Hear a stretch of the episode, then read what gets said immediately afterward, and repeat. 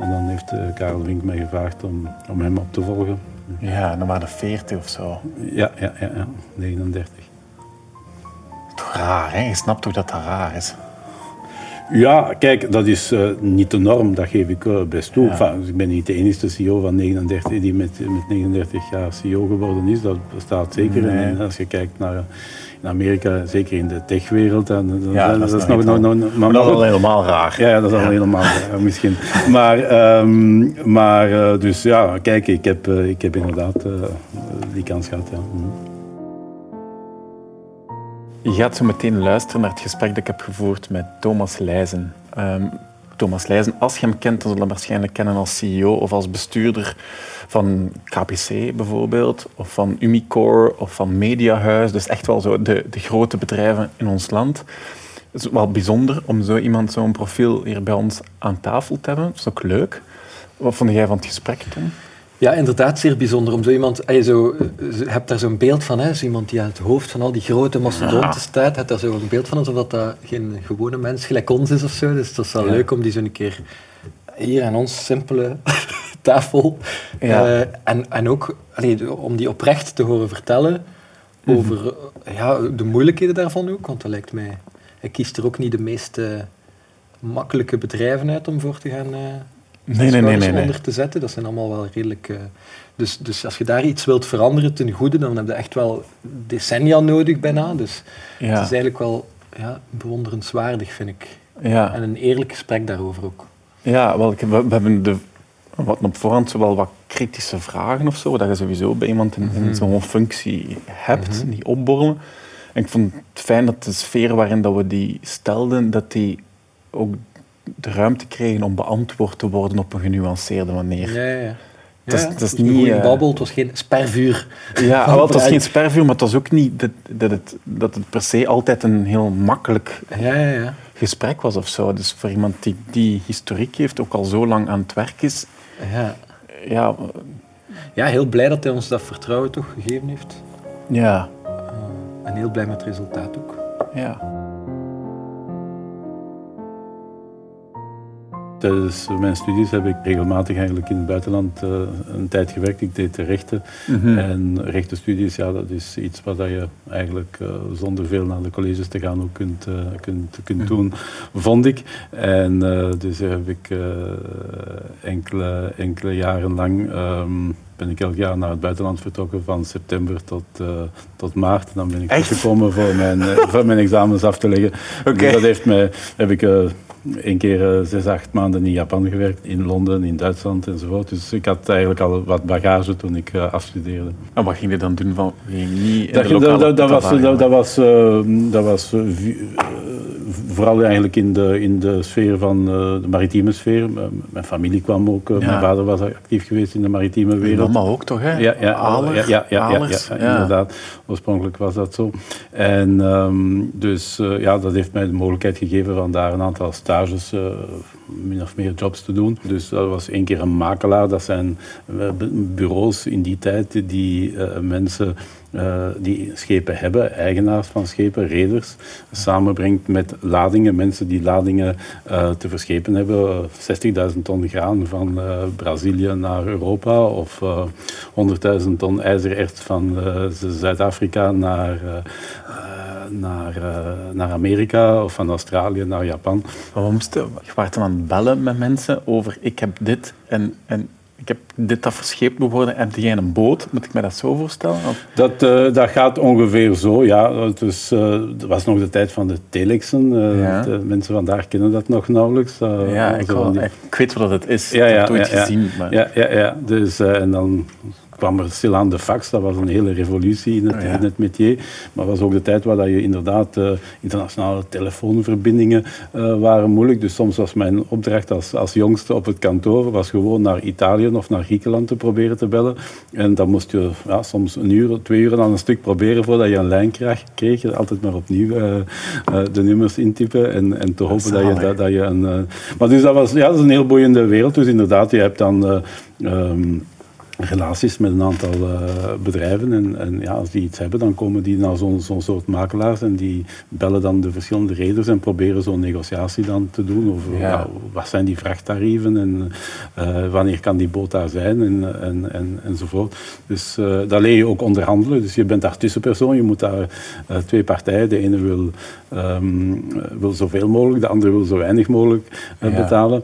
Um, dus je moet daar in die onderhandeling als tussenpersoon persoon optreden. En dat is iets waar, waar je wel heel wat van opsteekt. Ja, ja. Ja, dat lijkt me ook zo cool dat je opgroeit en je spreekt over je familie ook, maar dat, wat dat je ja, in opgroep beschouwde als zo wat, dat, wat dat normaal is. Mhm. En dat dat zo deel van je normaal is mhm. geworden. Zo dat, dat internationale en die mhm. scheepvaart en die onderhandelingen. Dat zo, ja, dat is... ja, dat is een mooie wereld uh, eigenlijk. Een boeiende wereld alleszins. En, ja. en, je leert uh, inderdaad... Um, uh, ja, heel, heel wat, heel wat, heel wat uh, dingen over, over mensen, zelfs een beetje over psychologie van mensen, hoe, dat je, uh, ja. hoe dat mensen zich opstellen in onderhandelingen. Maar je leert ook over internationale handelstromen, je leert over verschillende culturen tot op zekere hoogte. Hè. Maar, ja. Maar, maar, ja, ik vond dat een heel, heel boeiende vorming. Het is niet dat je ooit de goesting had om te rebelleren of zo daartegen? Dat, nee, nee ik, eh, ik, kan daar, ik kan daar uh, spijtig genoeg of gelukkig genoeg, ik weet het niet, uh, niet veel over rebellie vertellen. Ik was geen, geen zeer rebelse puber. Ik was wel onafhankelijk. Ik wilde mijn eigen ding doen. Ik wilde mijn eigen weg tot op zekere hoogte, zeker daarna gaan. Um, maar ik heb niet zoiets gehad van in, in, in, echte opstand tegen mijn familie, tegen mijn achtergrond nee. of tegen mijn, mijn opvoeding. Nee, dat er, ik ben eigenlijk altijd bewust geweest dat ik uh, een groot voorrecht had om in een goede familie uh, op te groeien, dat ik veel kansen gekregen heb en ik heb geprobeerd iets met die kansen te doen, eerder dan daartegen te rebelleren. Ja. Ik heb ja, veel kunnen, kunnen leren, ook van mijn vader, uh, over, over, over politiek, maatschappelijk engagement, zakenwereld. En ja, ik heb dat allemaal wel ergens opgezogen als, als, als jongere en dan proberen daar iets mee te doen. Ja. En tegelijkertijd uh, ja, weinig teruggekregen. Het was niet zo dat we absoluut uh, moesten in de voetsporen van, ja. van, van, van, van, mijn vader treden. Vader had ook niet in die zin een echt familiebedrijf meer. dus mijn vader was ook op vele fronten actief. Ja. Dus we hebben die mogelijkheid gekregen om daar um, onze eerste stappen te zetten. En toch, door wat connecties heeft dat wat geholpen. Maar, maar, het was eigenlijk altijd, ja, jullie moeten doen waar jullie um, zich toegeroepen voelen. En voor mijn ene zus was dat in de geneeskunde, voor de andere was dat meer in de artistieke wereld. En, en, en, ja. en, en voor, mijn, voor, mijn, broer en mezelf was het inderdaad in het zakenleven. Ja. Ja, ik las dat, dat op, denk dat jij 16 was op het moment dat je papa de, mm -hmm. de VUM ja. overnam, dat de standaard failliet was ja. eigenlijk. Mm -hmm. En dan die ja. krant redt eigenlijk op dat moment. Herinnert u dat nog? Ja, ja zeker. Dat, uh, dat was een heel hete zomer. 1976 was waarschijnlijk Mhm. voor diegene van de laatste jaren de heetste zomer die we, die we ooit gekend hebben. Ik heb dat goed meegemaakt, want een stuk was begonnen in, uh, tijdens de paasvakantie en hij was dan altijd aan de telefoon daarover en daar zich op voorbereiden. Ik, heb, en ik had een, een, hechte band met mijn vader en hij vertelde ook veel en ik vroeg hem veel. En dus ik heb dat wel, wel intens meegemaakt, dus ik herinner mij die periode nog, uh, nog, nog vrij goed. Want dat was ook de eerste keer dat mijn vader ook was op het mediatieke voorplan echt ja, trad. Ja, ja. Uh, was op, Wat dat, was, ook. dat, dat was een, top, uh, een topverhaal op elke nieuwsbulletin die, die avonden enzovoort. Dus dat was voor een, voor een jongen uh, die daarvoor geïnteresseerd is ook ja, een intense, boeiende periode. Ja, waarom deed hij dat? Um, well, ik denk een, een, stuk omdat hij overtuigd was ja, dat de standaard uh, vooral, en, en die, in die groep, standaard het nieuwsblad, dat dat belangrijk was, dat, een, dat, dat zo'n titels behouden bleven. En hij had dan, denk ik, zijn licht wat opgestoken bij andere uh, uh, uitgevers die hij kende in Nederland uh, met name. En die hadden hem gezegd, ja kijk, als je dat op een goede manier runt, dan is dat wel te doen. En hij had dan de overtuiging, ja kijk, ik ga ik, ik ga, we gaan dat kunnen. En hij heeft dan proberen met een aantal mensen het geld bijeen te brengen om, om een bod te doen op die krant en om die, op die krantentitels en op die drukkerij, om ja, die krant terug te kunnen heropstarten. Want ja, het is één dag niet verschenen, maar dan is dat terug in orde gekomen. En uiteindelijk is dat dan een, een, een, een, een, een goede onderneming geweest geworden. En het was ook, uiteindelijk is het een goede investering gebleken. Ik denk, mijn vader had zoiets in die tijd van, ja, we gaan daar nooit veel geld aan verdienen, maar het is wel belangrijk. En als je dat enigszins goed doet, dan kunnen we dat wel boven water houden. Maar uiteindelijk is het meer geworden dan dat, maar dat is dan de geschiedenis.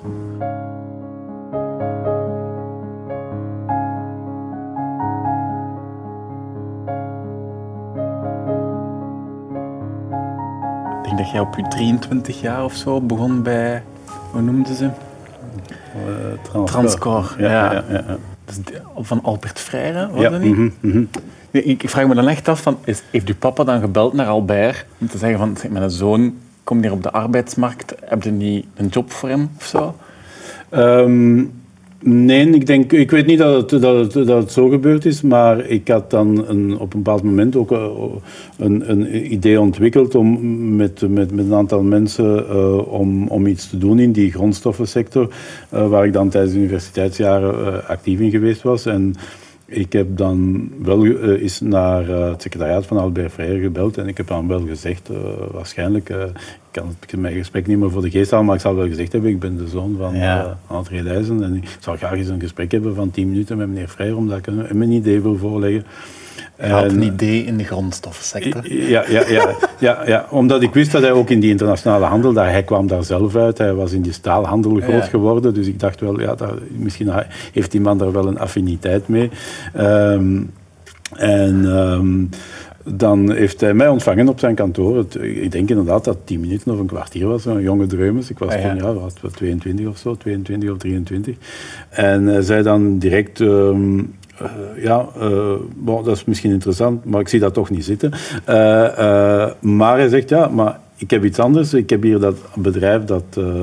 Um, in de, een klein bedrijfje dat in de trading nog zit. In de, die was eigenlijk vooral actief in de import van, van kolen voor de ja. staalnijverheid toen. Want hij was dan nog altijd gelieerd met de staalnijverheid. Hij had zijn grootste belangen toen al verkocht.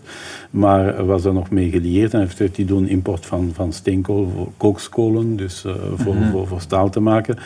Uh, en um, uh, ik wil er eigenlijk iets meer van maken. En als je daar toch... toch wat, wat ervaring in, in, beweert te hebben, ja, dan moet jij dan maar misschien daar gaan werken. En je mocht dat eigenlijk proberen uit te bouwen.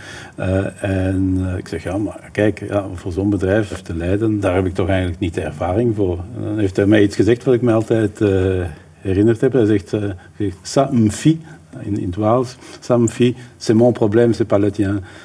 dus hij zei eigenlijk, ja, als jij geen ervaring hebt, ik neem het risico in u te investeren. Uh, dat is niet uw probleem dat je geen ervaring hebt. Als, als ik mij vergis, dan is dat mijn probleem. Uh, dus dat was eigenlijk een manier van te zeggen, kijk, ik heb uh, vertrouwen. En dat is iets wat mij, ja, ten eerste heeft mij dan een kans gegeven, want ik heb dan ja, ja. probeer er ook iets van te maken. En dat is dan met vallen en opstaan ook een, een succes geworden. en, um, maar ja, het heeft mij ook Um, nu probeer ik ook dikwijls jonge mensen, als ik daar een goed gevoel bij heb, gewoon een kans te geven. Ook als die daar misschien niet allemaal op papier uh, voor, op voorbereid zijn, de cv te hebben. De, de... Ja, het is gewoon. Heel je carrière is daar een stuk een, een uitloper ja, ja, ja, van die, die, kans, van die dat kwartier waarin dat hij zegt... Ja, ja, ja, inderdaad. Ik heb een goed gevoel bij die gast. Klinkt, klinkt ook bijna mental van dat te doen, hè, toch? Ja, ja, ja, ja, ja, ja inderdaad.